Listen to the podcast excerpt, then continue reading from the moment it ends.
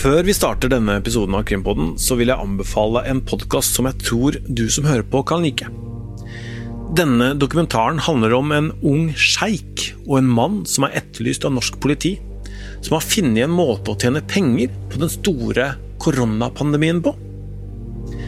Dette er en historie om hemmelige lydopptak, bakkanaler, russiske vaksiner verdt hundrevis av millioner. Og en av 90-tallets største actionfilmstjerner. Jeg har bare sagt det til deg helt klart og tydelig. Det der har vi absolutt ingenting med å gjøre.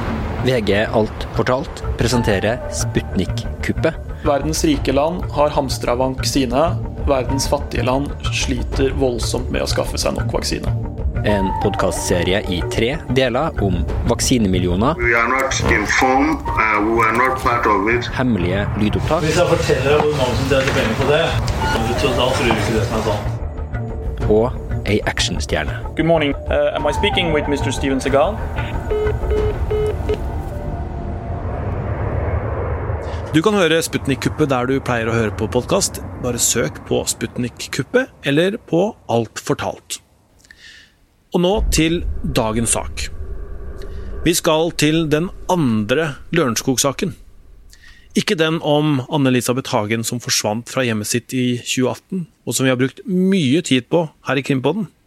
Nei, vi skal til saken som starter fire kilometer unna Sloraveien der brannvesen og ambulansepersonell rykker ut 19. juli i fjor. Der finner de en røykfull leilighet, en skada mor og to døde barn. Gabriel på ett år og Mikael på sju. Dette er Krimpodden, og jeg heter Tor Erling Tømtrud. De døde barna var ikke til å redde. Og selv om kvinnen sa at andre kunne stått bak dødsfallene, så falt mistanken raskt på henne. Hun står nå tiltalt i Romerike og Glåmdal tingrett for drap og for å ha begått underslag mot den eldste av guttene. Hun er også tiltalt for å ha forsøkt å legge skylda for drapene og for å ha skada henne på eksmannen. I rettssalen har mora forklart seg, men hun klarer ikke gi et klart bilde av det som skjedde, Øystein. Nei, hun husker jo veldig lite. Eh, Hun er jo spurt om det av eh, aktor bl.a., og, og husker eh, bare at hun er til stede på kvelden, og så eh, våkner opp igjen på Ahus, eh, hvor hun jo ble kjørt etter at eh, denne saken ble avdekka. Og Da fant jo også politiet det man kan eh, kalle noen avskjedsbrev, eh, hvor hun eh, skrev om hvorfor hun hadde gjort det hun nå er tiltalt for. Og, og i det så ligger det jo at hun hadde et, en tanke om å ta sitt eget liv, og at hun skulle ta med seg sønnene da. Og det, det gjorde hun jo da ikke, og endte på Ahus og, og fikk behandling for noen skader der, som ikke var veldig alvorlige, og er da tatt hånd om i eh, helsevesenet etter, etter dette. Um, og årsaken til denne tragedien, sånn hun eh, forklarer seg, er jo eh, en konflikt med eksmannen. eh, et samlivsbrudd. Så dette er jo eh, dypt tragiske omstendigheter på absolutt alle vis. Eksmannen er jo også da faren til barna, og han forklarer seg også i retten. Ambulansefolka som, eh, som var der og, og kom inn i leiligheten, de har også kommet med sin versjon i retten. Og de sier at de fikk mistanke om at eh, moren kunne ha hatt noe med disse dødsfallene å gjøre. Eh, Hun hadde skade på seg selv, knivskader bl.a. på halsen og låret, men de var jo ikke da alvorlige, eh, viste det seg. Men obduksjonen viste at eh, barna var eh, blitt kvalt. Vi snakka med forsvareren til denne moren. Hun heter Gunhild Lærum, eh, i forbindelse med en interessant episode som kommer seinere i sommer, Øystein. Og hun fortalte jo at denne saken her kom til å bli tung. Eh, Og det er, det er noe når barn dør på denne måten her, altså det er drept av sin egen mor altså, Jeg vet ikke Det blir kanskje verre når man har barn sjøl å høre om dette? Ja, Det er nok riktig. Eh, Dette er jo noen av de altså Det er vanskelig å klassifisere drapssaker, kriminalsaker, men det er klart dette er jo noen av de mest uforståelige. Eh, En mor som eh, er glad i sine barn og som eh, blir tiltalt for en sånn handling, det er, eh, det er jo eh, ja, jeg, tror det er veldig vanskelig å forstå det, og det er veldig tungt da å være i en, en sak som dette. og det, det fortalte jo Gunnhild Lærum om også. Hun, hun, vet jo at denne saken kommer til å ende opp med en lang straff for denne moren. og Sånn det framstår, så er det jo sånn at denne moren ønska jo ikke dette, selvfølgelig, men, men det var sånn det ble. og og dette er, eh, ja, dette er grufulle saker som eh, dessverre dukker opp fra tid til annen. Ja, Vi har sett flere sånne saker hvor foreldre tar med seg barna i døden. Det var en sak fra 2010 var det vel, der en far drukna flere av barna sine og seg sjøl i Gjersjøen eh, i Follo utafor Oslo. Eh, og så var det en sak for, eh, ja, i desember 2019 i Tromsø, der en mor drukna to av eh, sine barn og seg sjøl. Så dette er, dette er, noe som skjer. Det er det, og vi har jo flere andre eksempler på ja, noen, noen tilfeller så, så, klarer jo da en, en foreldre å avslutte sitt eget liv også. Av andre sammenhenger så, så gjør man det ikke selv om intensjonen er der. og det er klart at dette er jo Dette undersøkes det jo rundt, forskes det på, og det er det mørkeste punktet i livet man kanskje kan komme når, når det, det, ender opp i sånne tragedier. Og så er det jo alltid et spørsmål når sånt skjer, at veldig ofte i hvert fall så har det jo vært et, et forløp. Man uh, har i mange sammenhenger vært i kontakt med hjelpeapparatet. Og så blir det jo ofte et spørsmål da om uh, den som uh, deler, har fått den hjelpa vedkommende burde ha, om det har vært årvåkenhet nok rundt i hjelpeapparatet til å avdekke at her er det fare på ferde. For det, er jo, det hender det òg at det kommer som lyn fra klar himmel, men i veldig mange tilfeller så er det jo et, det jo et, et forløp her som gjør at man kanskje kunne da ha oppdaga noe. og så vet jo at i denne saken så jo, er jo det tilfellet. Man har jo granska barnevernet, som fikk en bekymringsmelding fra politiet om nettopp denne moren, og som da man har fått kritikk for at man ikke fulgte fort nok opp. Mm. Psykologspesialist eh, Pål Grøndal han eh, var med i en annen podkast her i VG i forbindelse med den saken i Tromsø der moren drukna sine barn. Eh, han snakka på generelt grunnlag, da, fordi han kan jo ikke på en måte vite på hver sak, men på generelt grunnlag så, så prøvde han å si noe om hva som kan være årsaken til at sånt skjer. Ja, Det kan jo være så mangt. Vi mennesker styres av eh, motiver som er både forståelige og helt ubegripelige. Så ofte sånn generelt så, så, snakker vi om en del hovedmotiver. Det kan jo være hevn. Det kan være sjalusi. Det kan være forferdelige livsforhold. Det kan være en type psykisk lidelse som gjør at man har Hvor virkeligheten glipper. Um, depressive psykoser, hvor man tenker at uh, nå går verden til helvete, eller um, hva det nå er. Og så tenker man at uh, og barna mine må ikke overleve i den verden. Så altså man gjør en tjeneste ved å ta andres liv også, tror man. Så da går det på, på depresjon, eh, altså psykisk helse, da? Ja, altså det man ofte ser med kvinner som dreper barn, kan f.eks. være fødselsdepresjoner. Eh, hvor man er så deprimert at man tenker at her er det ikke grunnlag for liv. Og jeg må bespare mitt barn for det lidelse det er å leve videre i denne verden, som vedkommende selv har en opplevelse av er helt forferdelig. Hva er det som eh, kjennetegner, eh, hvis man kan si det, eh, mødre som, som vil ta livet av barna sine? Ja, det er jo en form for det vi kaller for fint altruisme, altså medmenneskelighet. Altså at jeg må beskytte barna mine. Eh, enten mot livet i seg selv, altså fordi man har en virkelighetsoppfatning om at eh, verden er et forferdelig sted, eller man skal beskytte barna mot en eventuell eh, truende, farlig partner. Og at, at, det anses der og da som den beste løsningen, hvilket jo kan være vanskelig for de fleste å forstå. Men dette skjer hos noen. Jeg tenker jo av og til på um, generelt, da, hvilke ressurser er det vi har med oss her inn i verden, som gjør at vi kan tenke på alternative løsninger. For når alt blir svart, og hvis man har relativt få eh, evner til å tenke alternativ, hva kan jeg gjøre hvis så? Så tenker jeg at jo færre ressurser, jo færre løsninger ser man. Og så løser man dette med én dramatisk måte, istedenfor for kanskje f.eks. å oppsøke et krisesenter, politiet, søke sosial støtte osv. osv. Mennesker med flere ressurser har større evne til å søke den hjelpen som er nødvendig.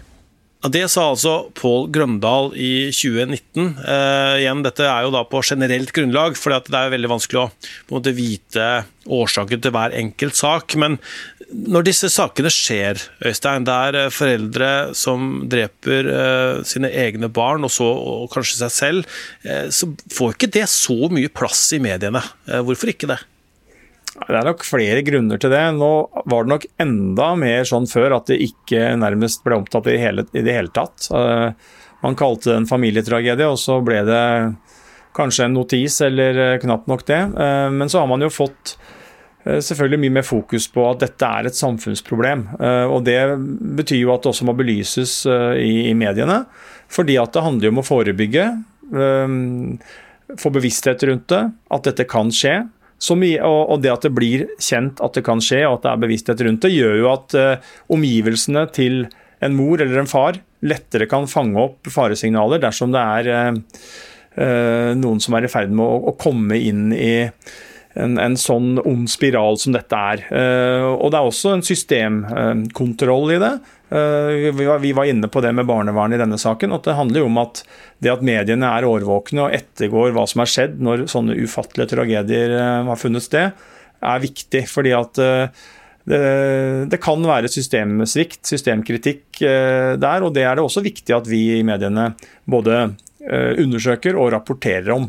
Og så er det jo sånn som du sier, Tor Erling, at det får nok ikke, disse sakene får ikke like stor plass som en del andre kriminalsaker, men det handler nok også om at uh, disse sakene er jo avklart veldig fort, veldig ofte. Um, noen tilfeller så er jo også gjerningspersonen død, og da blir det jo ikke noen rettssak. Uh, vi fikk jo en melding om en, et sånt tilfelle i går, tror jeg det var. Fra, jeg, lurer, jeg lurer på om det var fra Bergen, hvor det var uh, to døde. og Det ble en konklusjon på at den ene hadde drept den andre, og da er jo saken strafferettslig sett eh, avslutta, og det blir ingen rettssak, naturlig nok. Og så har du jo de sakene hvor, eh, hvor vi stå, som vi står i nå, hvor det blir rettsforhandlinger, men det er ingen tvil om skyldspørsmålet. Um, og Det handler om at dette er en tragedie, og det handler om hvilken eh, tiltak man kunne ha iverksatt, om man burde ha oppdaga noe. Og Da blir det et litt annet fokus enn det gjør i de sakene hvor man uh, har noen som har vært veldig bevisste på å begå en kriminell handling, og som forsøker å komme seg unna med det. F.eks. den andre Lørenskog-saken som du var innom, som jo er en helt annen type sak. Hvor man står overfor en nøye planlagt handling, et drap som er fordekt som en bortføring, og hvor man to og et halvt år etterpå fortsatt eh, leter etter svaret på hva som skjedde. Og Da er jo det også noe av forskjellen på disse to typer sakene du som hører på Krimpoden og vi som jobber her, vi er jo vant til de sakene hvor det er et mysterium. ikke sant? Det er, det er noe som ikke stemmer. Vi må være litt sånn detektiver, prøve å skjønne hva som har skjedd. ikke sant? Og, eller at det kan ha noen sånne eh, prinsipielle sider, da. Eh, sånn som for eksempel eh, Baneheia-saken, med, med, med, dette med justismordaspektet inni dette, bevisførsel osv. Eh, men disse tragediene Det er så tragisk å tenke på at det er, liksom, det er barn som som blir drept av sine egne foreldre. Det er, det er ubehagelig. Har det noe å si at det er ubehagelig for oss å snakke om det? Jeg tror ikke det er en stor grunn til at det blir litt mindre medieoppmerksomhet. Jeg tror mer det handler om at dette er avklarte saker, eh, hvor det ikke handler om eh, eh, den som står, i, står tiltalt erkjenner skyld eller ikke, men, men det handler om hva slags straff eller eventuelt hvilken behandling, hvis det er i det psykiatriske sporet vi, vi snakker, så, så, handler det om, om de tinga der. Og da er det på en måte eh, og Det gjelder andre kriminalsaker også, som er opp- og avklart, hvor det er en tilståelse som foreligger. Så er det jo generelt sett kanskje noe mindre oppmerksomhet rundt eh, den type saker enn det er i, de sakene hvor det eh, er personer som nekter skyld. Og det er litt det er jo litt naturlig òg, fordi at eh, en del av vårt samfunnsoppdrag er jo å overvåke at rettsvesenet gjør jobben sin, politiet gjør jobben sin. og Det er jo selvfølgelig en større sjanse for at det begås feil eh, når en person ikke har erkjent det man er tiltalt for, enn det er i de sakene hvor det foreligger en tilståelse. Det blir ikke sånn at vi liksom fråtser i de eh, sakene som på en måte er mest spennende, da? Det kan sikkert være noen som kritiserer oss for det. Og så mener jo vi at vi gjør gode valg og har bevisste vurderinger rundt eh, disse spørsmålene. Eh, Men det er klart, hvis du ser tilbake igjen eh, i tid, og det kan godt hende at det vi holder på med nå, at det blir sett tilbake på om ti år, og at det ser annerledes ut enn det vi opplever det når vi sitter her nå, det vil jeg nok tro at det gjør. Men, men hvis man tenker tilbake igjen på noen av de store sakene, f.eks. som Orderud, og går gjennom dekningen av det, så vil man jo kunne si at alle, alle, artikler står seg ikke like godt i sånn, eh, et samfunnsperspektiv. Man kan godt si at noen av dem hadde en mer sånn grafsende karakter, eh, vil jeg påstå. Og, og, eh, men det er klart, dette er jo ting vi er bevisste på og prøver å finne en balansegang. Og, og det er jo ikke alltid så lett å se helt tydelig om en opplysning en straffesak har offentlig interesse, eller at den er av så privat karakter at den ikke bør offentliggjøres. Det er et skjønn. Og der kan man være uenige eh, eh, internt i pressen også. Og det er jo der eh, politiet brukte begrepet familietragedier før jeg selv ringte politiet i, i, etter å ha fått tips, eller på en måte den politirunden som journalister tar, og, og, politiet har sagt at nei, det er en familietragedie, det er ikke noe, er ikke noe å skrive om. Eh, men så har man da fått litt mer fokus på det. Eh, og det er jo ingenting som på en måte blir klassifisert som familietragedie lenger heller i politiet. Nei da, det er ikke det. Det har blitt en helt annen uh, oppmerksomhet rundt det. Og, og um, problemstillingen uh, Jeg vet ikke om det er noen økning eller noen nedgang, men, men det er klart at uh, hver sånn sak er en sak for mye. Og, og, og politiet har jo også et forebyggende spor og samarbeider tett med bl.a. barnevern, helsesykepleier, om det er institusjoner som har kontakt med med foresatte som har utfordringer enten i samlivet sitt eller med tanke på omsorgen av barna, og som er i en sårbar situasjon hvor uh, i verste fall ting som dette her kan skje, så, så, er det et større fokus. og Det er jo bra at det går fremover. og Jeg tror at en del av det som har svikta i tidligere år, er at man har vært for lite bevisst på det. Og så tror jeg det er bra at det også løftes fram mer i mediene enn det vi gjorde før. Altså Det er ikke privat lenger. Det at noen dreper sine barn og så seg selv, det er drap og selvdrap. Og, og, og drap må på en måte opp i, i, lyset, da. Ja, det er ikke en privatsak å bli drept, og det er heller ikke en privatsak å drepe noen, selv om, selv om du er eh, mor eller far, eller om du er eh, faktisk også da død. Så, så er det så er eh, drap er alvorlige forbrytelser, og det er det viktig å ha offentlighet rundt, eh, også når det gjelder disse sakene. Men eh, presseetisk sett så tar vi jo selvfølgelig tunge hensyn i disse sakene, og det er jo ganske mange ting som har kommet fram i rettssalen på Lillestrøm som ikke har nådd ut til offentligheten, og det handler jo ikke om at vi skal underslå noe, men det handler om en vurdering av hva som er relevant Eh, og for å få opplyst den saken, og for å få informert eh, de som ser på, leser og hører på eh, medienes rapportering. Og så er det selvfølgelig oftere mer private opplysninger, intime opplysninger, som kommer frem i en sånn type sak, enn det er i en del andre type kriminalsaker. Har du innspill eller spørsmål til oss, så kan du sende mail på krimpoden at vg.no. Vi har også en Facebook-gruppe som du kan bli medlem hvis du aksepterer reglene våre der. Takk skal du ha, krimkommentator Øystein Milli. Jeg heter Tor Erling Tømt Ruud. Magne Antonsen har det tekniske ansvaret.